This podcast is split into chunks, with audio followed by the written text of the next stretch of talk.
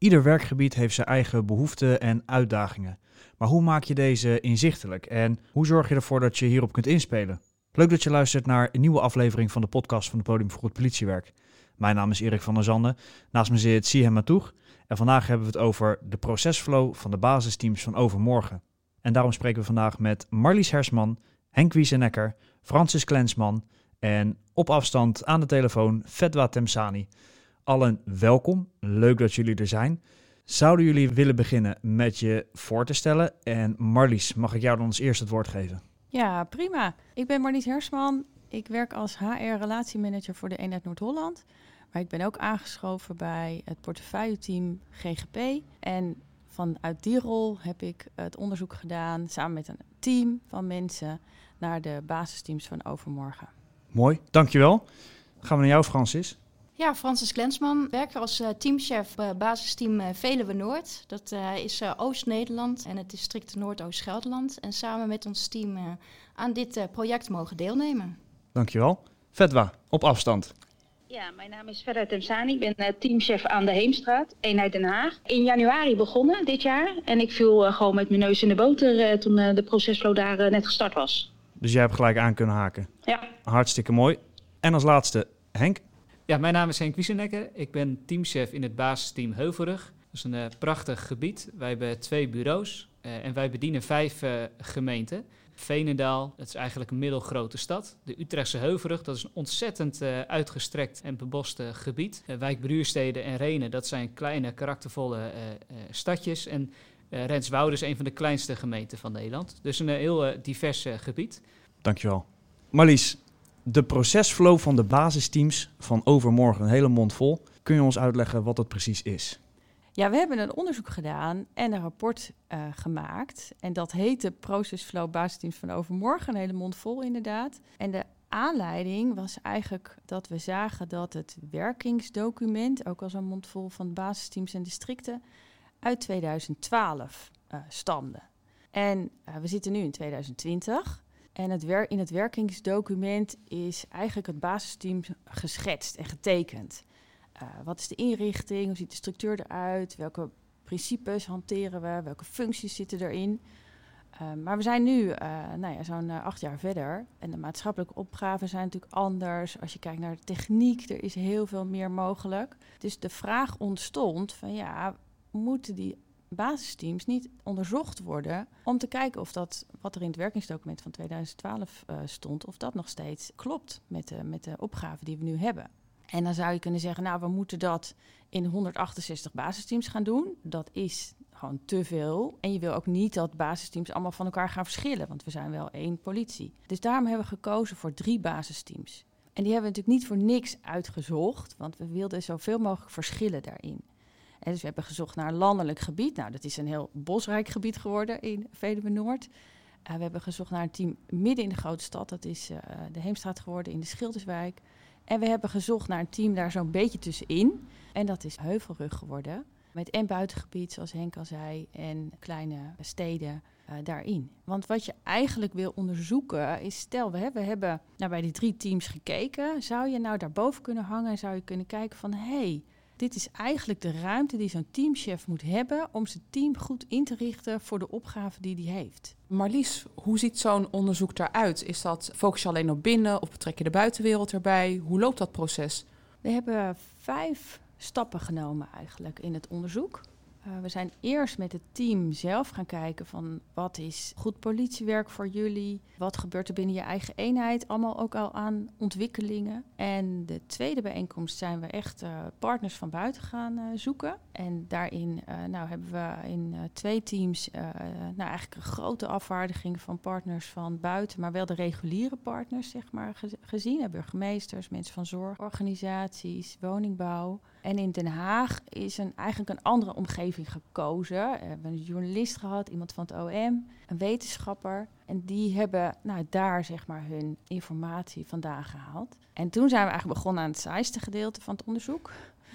Uh, met het team zelf. En dan ga je kijken naar ja, de processen in je organisatie, de activiteiten. Uh, nou, die zijn allemaal heel erg nauw beschreven.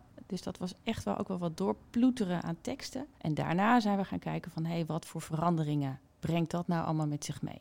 Mooi, hè? Jullie hebben drie basisteams uh, uitgekozen. Was het ingewikkeld om de samenwerking of de medewerking te krijgen vanuit de teams? Nee, dat was eigenlijk niet zo heel ingewikkeld. Er ging wel een tijdje overheen. En soms was ook wel wat overredingskracht misschien nodig. En wat natuurlijk wel meespeelde, wij wilden dit onderzoek doen voor de nationale politie, eigenlijk voor alle basisteams. En dan draag je dus eigenlijk bij als basisteams aan het grotere geheel. Dus heel legitiem was de vraag, ja, what's in it for me? What's in it for us, voor ons team? En daar moesten de teams eigenlijk blind instappen, want dat wisten we gewoon nog niet. Francis, je bent er dus hè, zo blind ingestapt. Hè? Wat gaat me opleveren was aan de voorkant niet bekend. Kan je daar iets over vertellen? Ja, aan de ene kant is het natuurlijk fantastisch om zo'n kans te, te, kunnen aangrijpen. Aan de andere kant uh, ben je wel bewust bezig met de werkzaamheden die op je afkomen en om daarin prioriteiten te stellen. Maar goed, uiteindelijk het feit dat je met je team mag gaan meedenken aan um, hoe mag de politie uh, van overmorgen eruit gaan zien, daar met je team ook bewust over na te mogen gaan denken. En we zagen het ook zo voor ons, dat hadden ze natuurlijk ook al meegegeven, is dat daar de partners, maar ook de teamleden zelf bij betrokken zijn. Is dat het wel ook een kans biedt om eens even um, weg te kijken met waar je nu mee bezig bent, maar ook daadwerkelijk ook in de toekomst te kunnen gaan kijken. En uh, ja, dus die kans die was heel mooi om aan te grijpen. Waarbij het wel uh, zo was dat, uh, ja, waar beginnen we aan? We hebben in het begin echt wel de worsteling gehad van, ja, um, waar zijn we nou mee bezig en waar willen we eigenlijk naartoe? Uh, maar dat gaf ook wel weer een hele mooie kans. Marlies, je geeft aan, dan kom je eigenlijk op zo'n team en dan ga je een onderzoek doen. En dan wordt het eigenlijk heel saai, want dan ga je alle processen beschrijven, zei je. Wat zijn de uh, voornaamste verschillen die je ziet tussen 2012 en 2020? Nou, wat we zagen in het werkingsdocument uit 2012, daar komt het woord digitaal niet in voor. Volgens mij staat, ik heb, ik heb gewoon zoek en vind uh, gekeken. En volgens mij staat het woord cyber er een keer in, als in cybercrime, dat dat nou ja, iets van een topic was. Dus dat is wel wat we hebben gevonden als uh, hoofdpunt eigenlijk, is dat dat nu zo verweven is in het politiewerk, of eigenlijk nog veel meer verweven moet gaan worden in het politiewerk. Uh, die hele social media component, maar ook het rechercheren of surveilleren op internet, is echt wel iets wat we, wat we nu hebben gevonden als nieuw item. Henk, hoe was het voor jou om erin te stappen? Ja, het is herkenbaar wel met uh, wat Francis ook uh, aangeeft. Je weet aan het begin niet goed natuurlijk waar je nou met elkaar aan begint. Wat je wel weet is dat je hiermee invloed kan uitoefenen inderdaad op hoe de politie van overmorgen eruit ziet. en ik trof een managementteam in mijn baasteam die daar eigenlijk heel graag een deel van uit wilde maken. Dus eigenlijk deze kans inderdaad ook heel graag wilde aangrijpen om invloed te kunnen hebben op hoe de politie er van overmorgen uit kan, kan zien. En daarom zijn we er met enthousiasme aan begonnen. Want zo'n proces heb je een aantal sessies, hè, die uh, Marlies net ook aangaf. Hoe heb jij je teamleden hierbij betrokken? Ja, die verschillende sessies, dat waren eigenlijk verschillende stappen um, om dat hele proces dus te doorlopen. En in dat hele proces is ook corona voorbij gekomen. En dat hielp niet. Dus we hebben een, een kerngroep geformeerd waarmee we dit hele proces zouden doorlopen. En die zijn eigenlijk wel steeds betrokken geweest eerst bij het intern kijken van welke uitdagingen zien we nu en wat betekent dat voor de toekomst. Dus wat hebben wij in de toekomst te doen en wat betekent dat dan voor, voor de kwaliteiten die ons team zou, zou moeten hebben. En vervolgens zijn we dat ook met partners gaan doen. Dat hebben we nog met een hele grote uh, groep uh, kunnen doen, waarbij ook dus veel partners hebben meegedacht over de uitdagingen die ze zagen voor de politie van, uh, van overmorgen. En vanaf dat moment trad corona eigenlijk in. Dus moesten het gewoon met veel kleinere groepen doen. En hebben ook daar steeds heel bewust proberen te kiezen van wie heeft de meest toegevoegde waarde op de vragen die er liggen. En op die manier hebben we geprobeerd uh, de procesflow van uh, de grootste waarde te voorzien. En die kon in deze tijd. Jij zegt, jij noemt de corona noem je wel als, als een belemmering. Maar aan de andere kant, pandemieën horen misschien ook wel bij de politie van overmorgen. Hoe hebben jullie daarnaar gekeken? Nou, ter voorbereiding op deze podcast heb ik daar natuurlijk ook over nagedacht. Uh, en als je bijvoorbeeld kijkt naar wendbare nabijheid, is corona wel een heel, ook weer eigenlijk een heel mooi voorbeeld. Uh, dus ik heb wijkagenten gezien die niet meer elke dag in de wijk konden zijn, maar wel elke dag in de wijk waren. Uh, doordat ze bijvoorbeeld een digitaal spreekuur hebben georganiseerd. Dat zegt meteen wat over hoe je ook in de toekomst mensen moet selecteren. Dus waar digitale kwaliteiten nu nog in een werkterrein worden weggeschreven, zie ik dat eigenlijk als een, als een vast onderdeel, als een vaste competentie die een wijkagent zou moeten hebben. He, dus netwerken gaat niet meer alleen over een goed gesprek kunnen voeren op een wijkbureau of in, in de wijk. Dat is super belangrijk. Maar daarnaast is het ook heel belangrijk om dat goede gesprek online te kunnen voeren. En ook daar dus je netwerk op te bouwen. Fedwa, jij, was, ehm, jij zegt je was nieuw aangetreden als teamchef. Ehm, en toen kwam die procesflow voorbij. Een mooie gelegenheid, denk ik, om alle processen in je team snel eh, tot je te nemen. Hoe heb je dat ervaren? Ja, nogmaals, ik viel een beetje met mijn neus eh, in de boter. Want ik, eh, de eerste sessie heb ik helaas gemist, maar ik uh, schoof aan bij de tweede sessie, dus ik moest me wel behoorlijk inlezen. alles viel een beetje voor mij wel samen, want ik ontmoette hele, of, ik ontmoette hele bijzondere mensen. en daarnaast heb ik ook door verschillende brillen de wijk mogen bekijken. En ook nou ja, hoe in ieder geval niet alleen de reguliere partners, maar ook een bijzondere groep naar de wijk keek. En dat was voor mij wel echt wel heel verhelderend. En er zijn hele mooie gesprekken uitgekomen. Dus ik heb echt een hele mooie, nou ja, hele mooie sessies mogen volgen om meegenomen te worden in, in wat er gebeurt rondom het team en daarbuiten. En hoe we ons voorbereiden op de toekomst. Ja, een hele waarde, waardevolle start voor jou dus in je, Zeker weten. op je nieuwe plek. Ja. ja. Francis, kun je iets vertellen over hoe zo'n sessie eruit ziet? Als we het dan hebben inderdaad over die uh, sessie met partners. Wij hebben bewust uh, ervoor gekozen destijds om onze huidige partners erbij te betrekken. Dat hebben we echt in een avondsessie gedaan uh, met eten erbij. Zodat je ook hele andere reacties krijgt tijdens het eten. Maar ook um, ja, gestroomlijnde bijeenkomsten, workshop-achtige sessies. En dan ga je met elkaar in gesprek. En dan merk je gewoon hoe mooi het is om even uit de huidige tijd weg te stappen en vooruit te kijken naar morgen. En het feit dat je daar dan met z'n allen mee bezig bent. En dan bemerk je dat eh, niet alleen de politieorganisatie, maar ook andere externe partners. En dat kan, kunnen zorginstellingen zijn en gemeentes. Ook echt nog wel aan het worstelen zijn van ja, maar hoe ziet onze toekomst er nou eigenlijk uit en waar kunnen we ons op voorbereiden? Sommigen hebben hartstikke mooie en concrete ideeën al, maar toch zie je dat zo'n sessie, en dat is ook wel de waarde die wij hebben ondervonden van deze project van de BT van de Overmorgen, um, dat je bewust gaat stilstaan met wat gaat er nou eigenlijk op ons afkomen en dat je het daar met, me met elkaar ook over hebt en dat je daar plannen voor maakt. Um, je zit normaal gesproken best wel vastgeroest in de werkzaamheden die je nu aan het doen bent. Maar het bewust eruit stappen en mogen kijken naar overmorgen ja, dat is voor zowel ons als voor onze partners heel, uh, heel leerzaam geweest. En uh, een eye-opener, ja. En je zegt een eye-opener. Wat is het grootste eye-opener geweest in het proces? Ik, nou, als we deze sessies niet hadden gehad, dan waren we dus nooit op dit soort onderwerpen gekomen. Ja, je ziet dat iedereen wel bewust bezig is met het feit dat we in een, uh, in een digitale wereld uh, gestapt zijn met z'n allen. Maar het is ook nog best wel ongrijpbaar. Voor de een is het, weet je, voor de jongere generatie is het grijpbaarder dan voor de andere generaties. Maar daar met z'n allen mee bezig zijn, die digitale wereld die zo groot is.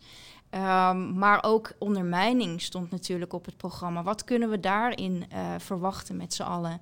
En hoe kunnen we ons daarop uh, nou ja, nog beter voorbereiden?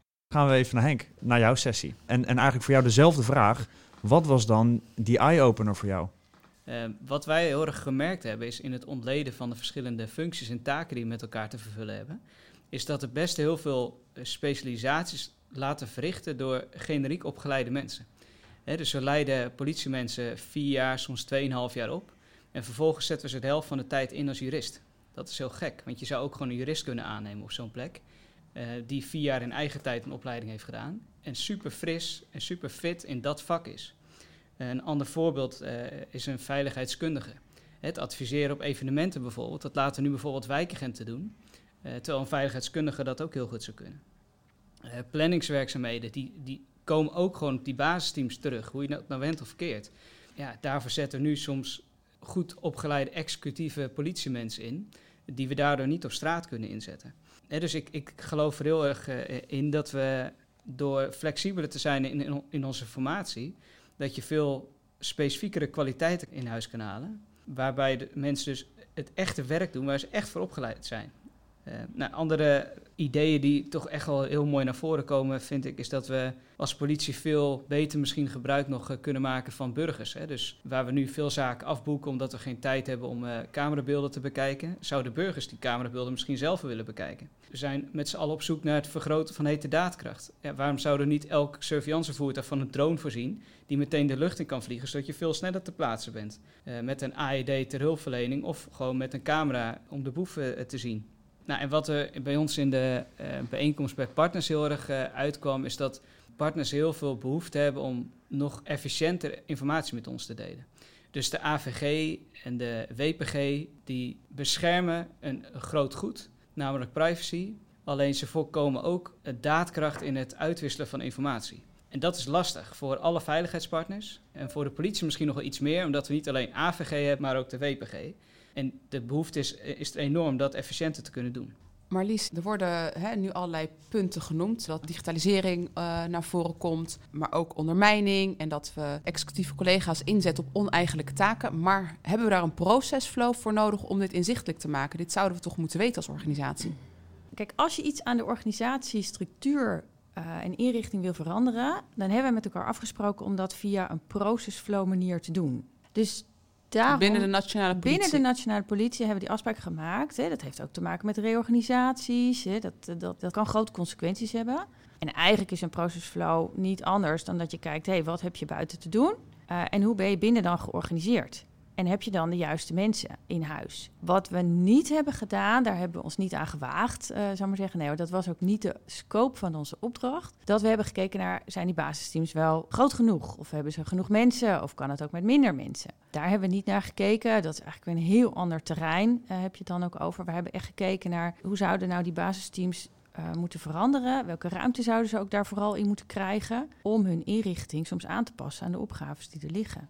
Maar is, is capaciteit niet een continu belemmerende factor? Ja, dat klopt. Maar toch zijn we daar niet in gegaan. Wij hebben vooral gekeken naar de inhoud. Inhoud van het werk. Waar zit dat er nu op? Maar wat we ook wel hebben gevonden, is dat er natuurlijk ook heel veel werk gewoon hetzelfde blijft. Ook als je kijkt naar 2012. Dus er is, het is misschien een beetje spoiler alert voor de uitkomst, maar er is ook heel veel gewoon hetzelfde. Je kan heel goed werken met medewerkers GGP, generalisten, seniors, OSA's en, en, en noem maar op. Dus maar wat Henk nou net aangaf, hè, dat er collega's zijn die executief moeten zijn, of executief zijn, dus we hebben hè, tekorten. Dat je zegt, joh, jij, uh, we zetten je alleen in uh, op het, het, politievak, maar we halen het juridisch gedeelte wat je doet, of dat financiële gedeelte, daar gaan we nu externe mensen voor aannemen. Kan dat, naar aanleiding van de procesflow? Ja, dat is dus een van de uitkomsten die we hebben uh, gevonden. En dat willen we wel in de besluitvorming gaan brengen. Dat dat gaat kunnen. Het kan nu al. Je zou mensen kunnen inhuren. Dat is dan heel duur. Hè? Dus, maar het zou al wel kunnen, natuurlijk. Maar het is ook nog niet zo gebruikelijk. En we kijken ook nog niet zo naar die aspecten van het werk in een basisteam. Als ik daarop mag reageren. Um, wat we zowel hebben gezien bij uh, zowel de partners als bij de medewerkers, is dat we uh, in 2012 hele goede dingen deden. En die zullen we in de toekomst zo ook weer uh, gaan doen met z'n allen. Alleen je ziet dus wel veranderende werkzaamheden, waarbij we ook wel, als je kijkt naar doen we oneigenlijke dingen. We zijn er wel in de sessies met de medewerkers achter gekomen dat we wel eigenlijk als politie zijnde ongelooflijk veel naar ons toe hebben getrokken.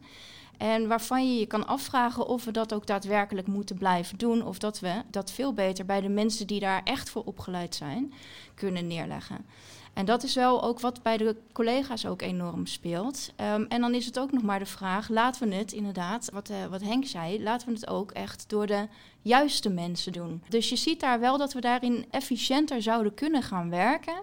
Door zowel te kijken naar, oké, maar wat pakken we op en door wie laten we het oppakken. Maar dus eigenlijk zeg je dat je ook taken die partners zouden kunnen doen, dat we er bewust over nadenken, gaan we dat niet teruggeven bij de eigenaar? Ja, dat is natuurlijk al een discussie die al jaren gaande is. Maar daarom is het ook wel belangrijk om dit soort sessies eens in de zoveel tijd te doen. Want het maakt je wel weer, het geeft je wel weer zicht op waar zijn we nou eigenlijk mee bezig. Doen we de juiste dingen en doen we het door de goede dingen, mensen in te zetten.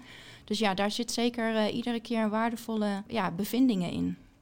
Ja, mag ik, mag ik, ja. ja? Ik wil uh, nog heel even Marlies heel graag uh, aanvullen. Want jij vroeg van, joh, heb je daar een procesflow voor nodig hè, om dat te doen? Wat ik echt als heel fijn heb ervaren is dat je verlos komt van het hier en nu. En dat je gewoon met elkaar de tijd neemt om te kijken naar de politie van overmorgen. Dus wat je nou nodig hebt. Dus dat is echt wel een, uh, heel waardevol geweest, vond ik. Ja, hey, en, en nu we toch even bij jouw basisteam zijn. We hebben begrepen dat jij het net iets anders hebt aangepakt, die sessie. Of in ieder geval andere partners aan tafel hebt uitgenodigd. Kun je daar iets over ja, vertellen? Ja, ik zou zeggen ik, maar Maar het was natuurlijk al geregeld Het was al door besloten. René uh, Ravenstein en Tom Parlevliet, want die zaten daar middenin.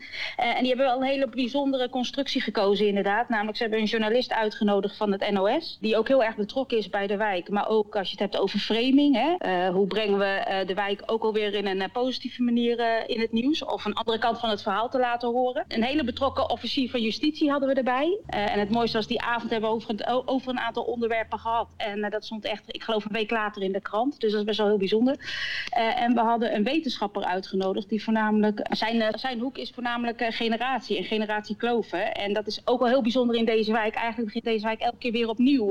de eerste generatie is gekomen, nou dan komt de tweede generatie en die begint elke keer weer, zie je. Dus we zien helemaal niet dat zo'n generatie zeg maar meegroeit in de wijk, maar dat je gewoon elke keer weer opnieuw begint. En dat kost voor zo'n wijk veel meer tijd uh, om, uh, om mee te groeien in wat er in de wereld en wat er uh, in zo'n gebied gebeurt.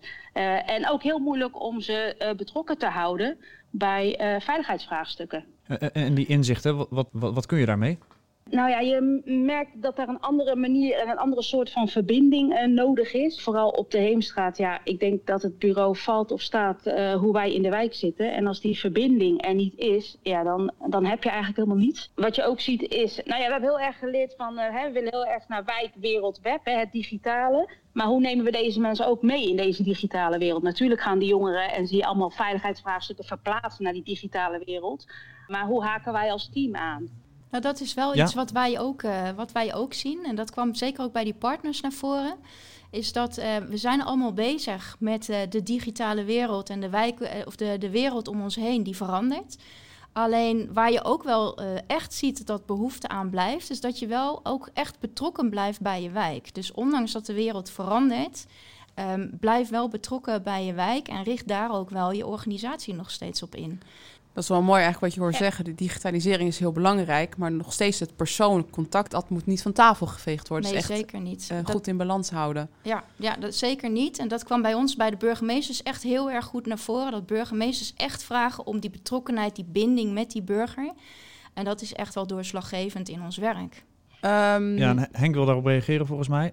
Ik wil even aanvullen wat Francis eh, eh, aangeeft. Een van de conclusies was ook al van het eh, onderzoeksteam dat er relatief weinig veranderingen worden doorgevoerd op de formatie. Ik heb me ook afgevraagd waar dat door komt. En ik denk dat dat ook echt komt doordat ehm, er is heel veel werk en er is een wereld bijgekomen, maar er is geen wereld afgegaan.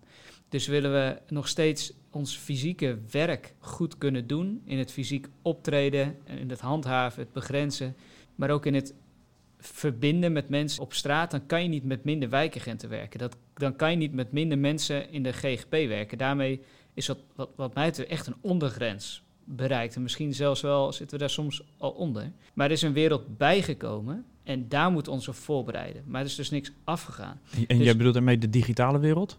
Ja, de, de digitale wereld, de ehm, aanpak van ondermijning, wat gewoon andere kwaliteiten eh, eh, vraagt. Maar, zeker de digitale wereld. Dus waar, waar jongeren vroeger een fysieke hangplek in een wijk hadden, hebben ze nu een digitale hangplek. En hoe kom je daar nou tussen? Hoe kom je daar nou in verbinding? Marlies, je hebt op drie basisteams, heb je dus op drie heel verschillende basisteams, heb je deze procesflow mogen, mogen uitvoeren. Ik kan me voorstellen, je ziet bepaalde overeenkomsten en je ziet bepaalde verschillen. Kun je ons meenemen in de meest opvallende overeenkomsten en de meest opvallende verschillen tussen de basisteams? Ja, de meest opvallende eh, verschillen die liggen eigenlijk wel tussen de Heemstraat en Veluwe Noord. Een team echt in de binnenstad van een stad en een team in een prachtig landelijk eh, gebied. Met heel veel eh, kleine gemeenten. Maar eigenlijk kwamen we daar ook wel weer in een overeenkomst. Want het is de cultuur en de waarden en normen in Veluwe Noord zijn ook heel erg verschillend, denken wij, dan de cultuur en omgangsvormen, de maatschappelijke vraagstukken in een team als Heemstraat of in dat gebied. Maar als politie moet je daar wel heel goed kennis van hebben om daar goed je werk in te kunnen doen. Hè, zoals in Den Haag een culturele wasstraat hebben. Eigenlijk, als jij van buiten komt en niet weet hoe de wereld in elkaar zit in Epe en omstreken, heb je dat ook nodig. Want daar spelen gewoon hele andere partijen een hele grote rol. Dus dan heb je een groot verschil, maar ook weer een overeenkomst, denk ik. Ja. De grote overeenkomsten, en die hebben we ook gepakt in de conclusies natuurlijk, is dat alle teamchefs zeiden van vergroot nou mijn mandaat. Als het gaat over mijn P-budget, bijvoorbeeld mijn personeelskostenbudget. Als ik daar wat meer vrijheid in kan krijgen, want dan kan ik zelf bijvoorbeeld eh, bepalen of ik zo'n specialist wil inhuren of op tijdelijke basis uh, in dienst wil nemen. En wat we ook bij alle teams hebben gevonden, is de versterking van INS, van intake en service. Daar komt die digitale component ook bij, daar komt die webcare bij. Daar willen we eigenlijk een verbetering van het werk zonder de mensen die het nu doen tekort te doen. Want zij hebben zoveel kennis en inzicht in de meldingen die zij krijgen, maar we maken daar nog te weinig gebruik van, denken wij. En ook in de wat meer landelijke teams is er de nadruk op gelegd van ja, maak nou klein binnen groot. dus ga nou werken in clusters. Maak die operationeel expert nou echt de leidinggevende van die mensen, zodat daar geen onduidelijkheid meer over is. Wat we ook nog uh, hebben gevonden is, kunnen we ook niet als teamchef wat meer mandaat krijgen om bijvoorbeeld een keer te switchen tussen eh, GGP en eh, TO. Dus dat we ook mensen kunnen omzetten als we denken, nou de opsporing heeft nu echt meer capaciteit nodig of juist de, de GGP. Nog een ander groot verschil is dat we ook zagen dat bijvoorbeeld in Heemstaat er heel veel verbinding is eigenlijk met grote onderzoeken. Uh, er zijn heel veel touchdowns in die wijk, zo noemde die officier uh, van justitie dat. En dat zie je in de andere teams, hebben dat minder gevonden. Wat, wat dat eigenlijk legitimeert, is om te zeggen, ja, geef die teamchef nou ook de ruimte, zeg maar, om zijn team daarop in te richten. Nou, dat hebben we gevonden en wat nog wel een bijzondere vind ik ook is, hè, is dat wel de teams die wij hebben onderzocht zeggen, in die digitale component, ja, daar hebben we eigenlijk geen specifieke functie voor nodig. Dat zouden we ook eigenlijk niet willen. Want we hebben het gewoon in heel veel functies nodig, deze digitale component. Dus ga dat alsjeblieft niet verbijzonderen, want dan is het weer van één of twee mensen. Terwijl we het eigenlijk over de volle breedte bijna wel nodig hebben dan ben ik natuurlijk wel heel benieuwd. Je krijgt een ontzettend mooi beeld van je eigen basisteam, de omgeving en waar je als basisteam naartoe moet. Francis, heeft het tot nu toe aan jouw basisteam geleid tot concrete veranderingen, aanpassingen of vernieuwingen? Um, het heeft ons zeker al uh, op een aantal punten zoveel inzicht gegeven en ons uh, laten bezig gaan met bepaalde dingen. Zoals inderdaad, we zijn bezig om ons uh, intake service te verstevigen. En uh, we zijn ook zeker aan het kijken hoe wij de digitale component beter kunnen vormgeven. Dus ja, wij zijn al echt wel dingen in gang aan het zetten. Ja. Mooi. Fedwa, hoe is dat bij jou? Heel herkenbaar om, uh, weet je, wij zijn ook heel druk bezig met intake en service. Wat we ook heel belangrijk vonden is uh, opsporing, zoals Henk dat noemde, weer terug te borgen bij de basisteams. Dus dat we daar veel meer uh, slagvaardig in zijn. En ja, dat zegt ook wel wat over de informatie en verankering in de wijk. Hè? Want je kan dat niet, dat moet je nabij organiseren. We zijn extra gaan investeren op samenwerkingsverbanden. en niet zozeer de reguliere partners, zeg maar, maar ook veel meer investeren in bondgenoten en burgerparticipatie. De digitale is een soort van gerealiseerd. Mooi. Uh, Henk? Nou, waar ik uh, mee wil beginnen is om, om te zeggen dat dit ook gewoon helpt in de visie op je team. Dus op het moment dat wij nu een vacature voor wijkagent krijgen, dan gaan we de competentienetwerken niet alleen in gesprek over het fysieke netwerken, maar ook het digitaal netwerk. Ja, en verder zijn we wel op zoek naar mogelijkheden om die juristen uh, binnen te halen. Op dit moment uh, zijn we bijvoorbeeld via de baanafspraak. Nou, dat zijn mensen die een afstand hebben tot de uh, arbeidsmarkt, maar wel heel graag willen bijdragen. Nou, zijn we aan het kijken of we uh, misschien iemand met juridische kennis via de baanafspraak in ons team kunnen laten werken. Ik noemde al dat we in ons district zijn gestart met webcare. Daar hebben we ook heel bewust voor gekozen. Dus daar zetten we ook echt iemand op de planning voor weg die voor het hele district dat werk doet. En dus heel snel ingaat op meldingen die online uh, binnen, binnenkomen. En binnen het basisteam zijn we ook proberen veel intensiever de intake en service met de opsporing te verbinden. Omdat de opsporing eigenlijk start bij intake en service. Want anders moet intake service eigenlijk niet beginnen, want dan is het niet voor ons. En dus dat hele proces van intake naar opsporen en vervolgens uh, vervolgen, zeg maar, dat willen we veel meer aan elkaar uh, verbinden. Heel mooi, ook over de banenafspraken hebben we het uh, in de eerste aflevering van dit seizoen hebben we het over gehad. Heel mooi initiatief, denk ik. En heel mooi om daar gebruik van te maken op je basisteam. Daarmee zijn we aan het einde gekomen van deze aflevering. Het rapport dat is nog niet gepubliceerd. Dat zal binnenkort gepubliceerd worden. Dus hou Agora in de gaten. Als er nu iemand is die jullie rechtstreeks wil benaderen, zijn jullie te vinden? Ja, ik ben in ieder geval ook te vinden op, op LinkedIn. Uh, en samen met uh, Janneke van Wetten, mijn uh, maatje, teamchef, zitten wij ook op Instagram. Dus teamchefs Heuvelrug kunnen jullie volgen en ook daar kan je een vraag stellen. Ja, ook eh, ben ik natuurlijk eh, via LinkedIn eh, te bereiken. En eh, ook mogen ze me altijd bannen. Dus ehm, neem vooral contact op. Hartstikke mooi, Vetwa. Ja, daar sluit ik me ook helemaal bij aan. Eh, ik, eh, ik ben te bellen, te mailen en eh, natuurlijk ook gewoon op LinkedIn te, te vinden. Super. Wil ik jullie allemaal heel hartelijk bedanken voor jullie bijdrage vandaag. Wil je hierop reageren, dan kan het uiteraard. Neem dan contact op met Sia Matoeg of met mij, Erik van der Zanden. En dan horen we graag van je. Volgende week zijn we weer terug met een nieuwe aflevering. We hopen dat je dan weer luistert. Bedankt voor het luisteren. Tot volgende week.